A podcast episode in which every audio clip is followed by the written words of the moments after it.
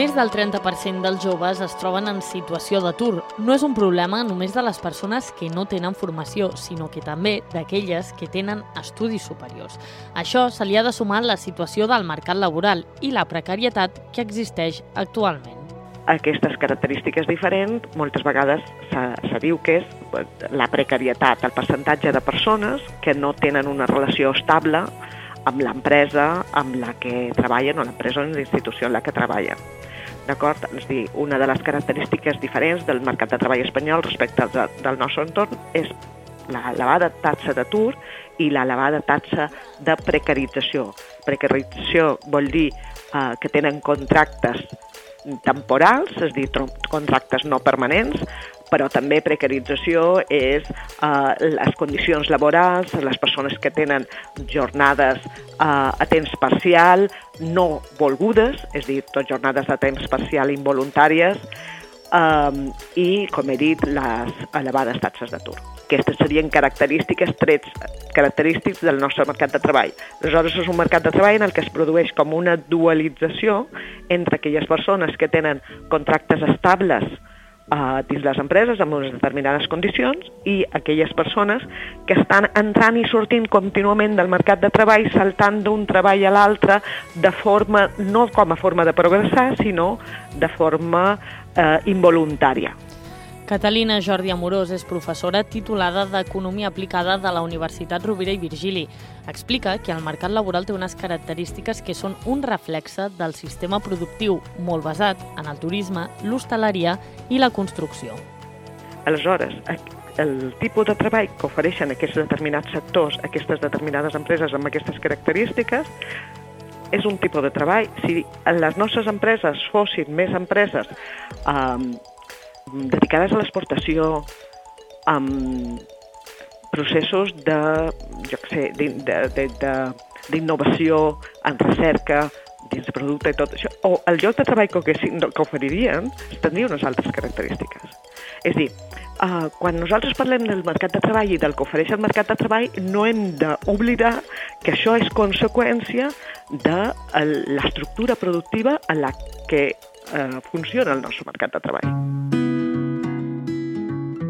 Hola, me llamo Fernando, estudié educación social, he trabajado 10 años en centros de menores y bueno, es un trabajo duro, es complicado, las, las condiciones no siempre son demasiado buenas, no, no solo en el salario, sino en los calendarios de trabajo, los horarios, eh, muchas veces te, te toca trabajar fines de semana, festivos muchas veces no desconoces el, desconoces cuál va a ser tu calendario de trabajo a dos meses vista, muchas veces se pasan de mes en mes.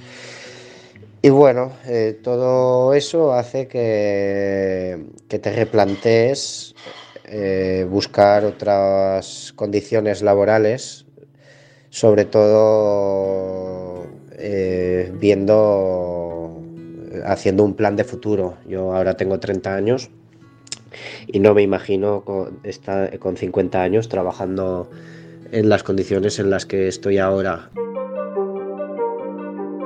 La pandèmia ha provocat que moltes persones s'hagin apuntat a fer cursos, graus mitjans, superiors i fins i tot el màster de professorat.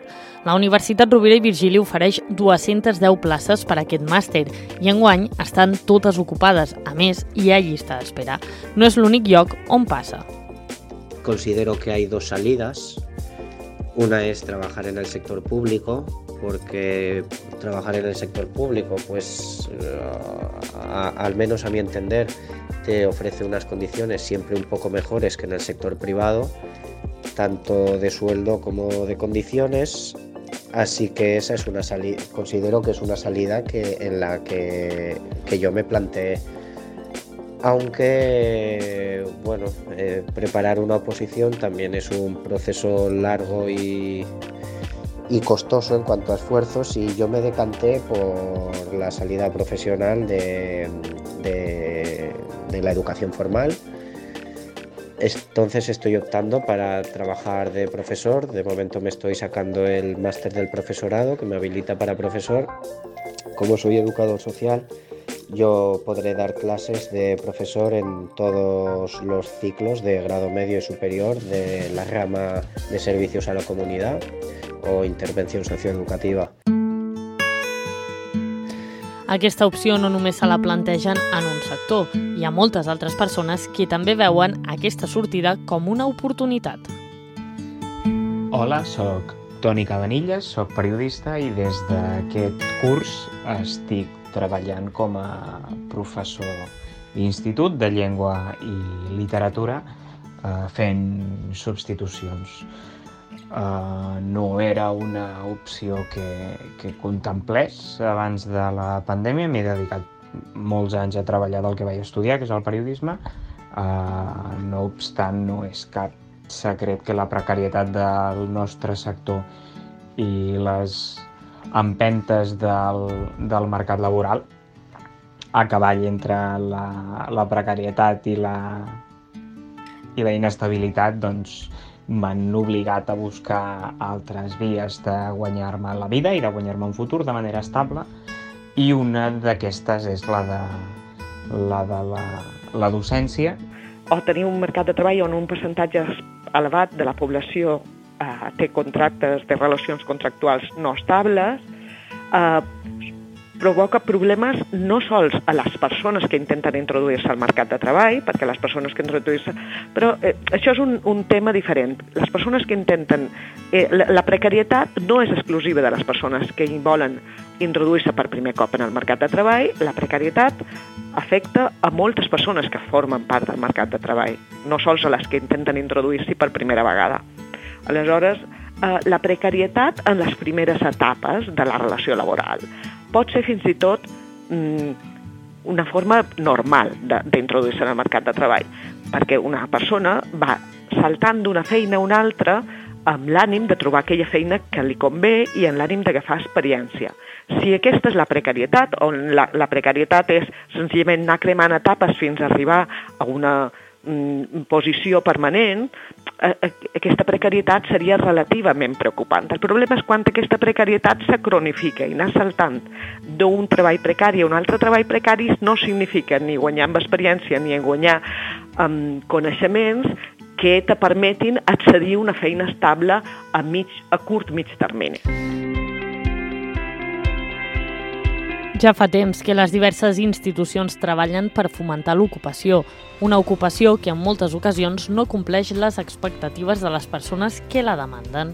És dir, tenim un percentatge de graduats universitaris comparables en els països mm, de, on en tenen més, però en canvi tenim una part de la població que en el mercat de treball o amb edat de treballar sense formació, eh, és dir, o, sense formació especialitzada que és la que ens dona la formació professional. D'acord? De manera que efectivament, eh, per la part de eh, l'oferta de treball, dir, per la part dels treballadors, eh, sí que tenim un nivell educatiu, un nivell formatiu eh, que podríem considerar adequat. Una altra cosa és que, clar, si, les, si, si els llocs de treball eh, que tenim són llocs de treball no qualificats, per molt que tu tinguis persones qualificades, mm, doncs aquests llocs de treball eh, continuaran sense ser qualificats. Per, per molt que els ocupin, a lo millor persones amb més sobrequalificades, amb més qualificació de la que caldria per ocupar aquell lloc de treball.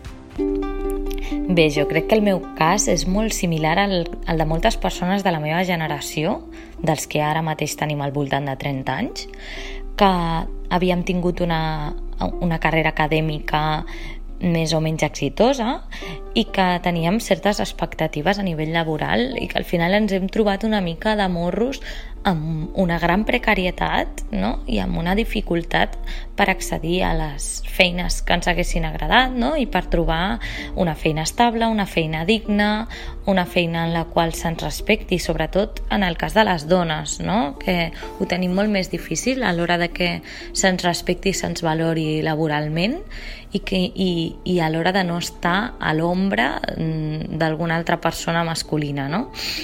I, I bé, davant d'aquesta precarietat i d'aquesta dificultat per trobar una estabilitat laboral, moltes hem hagut de virar la nostra carrera professional cap a un altre sector. En el meu cas, jo em volia dedicar, dedicar a la cultura i a la creació artística i he virat la meva carrera cap a, cap a l'educació, no? Per què es produeix aquest salt a l'administració pública? Que dins del sector públic també hi ha molta precarietat. És a dir, en aquests moments eh, tenim un percentatge de, de temporalitat a Espanya, diríem el percentatge de persones que tenen treball temporal a Espanya, o podem dir-ho en el cas de Catalunya, a Espanya és el 26% de les persones que estan ocupades tenen contracte temporal, però eh, de les que treballen en el sector públic el 31%. És dir, dins del sector públic també hi ha contractes temporals en el precarietat, però el que segurament és una precarietat una mica distinta.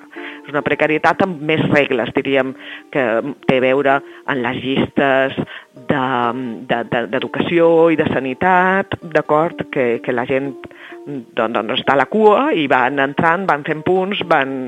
i al final saps que te consolidaràs, que, que, que és un camí que, no, que, que pot ser més o menys llarg, però també tenim un percentatge important de contractes temporals. Eh, per exemple, a Catalunya el 27% dels treballadors del sector públic tenen contractes temporals, no són treballadors fixes. D'acord? Eh, que això és una cosa que a vegades la gent no ho sap. Uh, però sí que és cert que dins l'administració és més fàcil trobar, mm, un cop has superat tots aquests processos d'introduir-te uh, dins l'administració pública, que són processos selectius bastant complexes i, llargs, uh, en definitiva, sí que és més fàcil uh, després tenir una feina permanent. Però també és més fàcil que dins del sector públic hi ha una part important de feina qualificada. Així doncs, moltes persones troben en aquest sector la sortida al seu futur, tot i que no compleixi al 100% les seves expectatives laborals. Perquè l'educació, d'alguna manera, ofereix l'empara de l'administració pública i té certes garanties i certs drets laborals que no pots tenir sent autònoma com jo ho era o tenint un contracte laboral amb una empresa privada. I això almenys et dona una mínima seguretat, no? I, i bé, i és per aquest motiu pel qual jo eh, m'he fet professora d'educació secundària, sempre des del enorme respecte cap a aquesta professió, perquè penso que la labor docent és d'una importància màxima, total, en la nostra societat i, i bé, i amb tota la intenció de fer-ho el millor possible, no? Però també reconeixent que evidentment que és una opció eh, que he triat després mm, de veure que en el que jo em volia dedicar la precarietat és tan gran que no és possible tenir una carrera laboral digna. Per tant, bé, aquesta és la meva experiència, però no és només la meva perquè jo conec moltíssimes persones del meu entorn i de, diverses, de diversos àmbits laborals. Um, no tenia unes perspectives de futur de millora i de poder fer la meva vida independent amb unes condicions que jo consideri dignes, de manera que no m'ha sabut greu i no m'ha caigut cap panell per tornar a començar, per dedicar-me a una altra cosa i per provar a veure si en aquest sector puc tenir aquesta estabilitat i, i aquestes garanties quiero seguir en el mundo de la educación, sobre todo con jóvenes y adolescentes, pero no con las condiciones de trabajo que hay en un centro de menores. En ningún momento estoy diciendo eso que dicen muchos de que, joder, menudas condiciones tienen los profesores. Yo me haría profesor solo por las condiciones y los tres meses de vacaciones al año. Bueno, eh, no, no, no lo digo solo por eso pero desde luego es algo muy a tener en cuenta. Eh, cuando imagino que muchos cuando seamos más mayores querremos trabajos que nos aporten un poco más de comodidad a nuestra vida y nuestra conciliación personal y familiar pues sea, sea, sea mejor. y eso estoy seguro que, un, que trabajar de profesor te lo facilita mucho más que trabajar, por ejemplo, en mi caso, otra vez, en centros de menores. Davant tot això, hem de reflexionar si s'ha d'apostar més per l'empresa privada. Uh, no, és a dir, l'única manera de... Perquè tu pensa una cosa, uh, el que passa en el sistema productiu passa en el mercat de treball i en el que passa en el mercat de treball passa a la societat. Si tu tens un mercat de treball de salaris baixos, eh, de precarietat, una societat on les persones joves no poden fer un projecte vital, no es poden independitzar, no poden tenir fills, i aleshores eh, les, com a societat eh, tenim una limitació, una limitació perquè eh, molts d'aquests joves que, dels, amb els que hem invertit molt han decidit que els hi convé més marxar a treballar fora D'acord? De manera que el que passa en el sistema productiu se reflexa en el sistema en el mercat de treball i el que passa en el mercat de treball se reflexa en la societat. De manera que, efectivament, posem el focus en el sistema productiu. Tots aquests canvis han de venir acompanyats de mesures que els garanteixin. Si no, la problemàtica seguirà existint.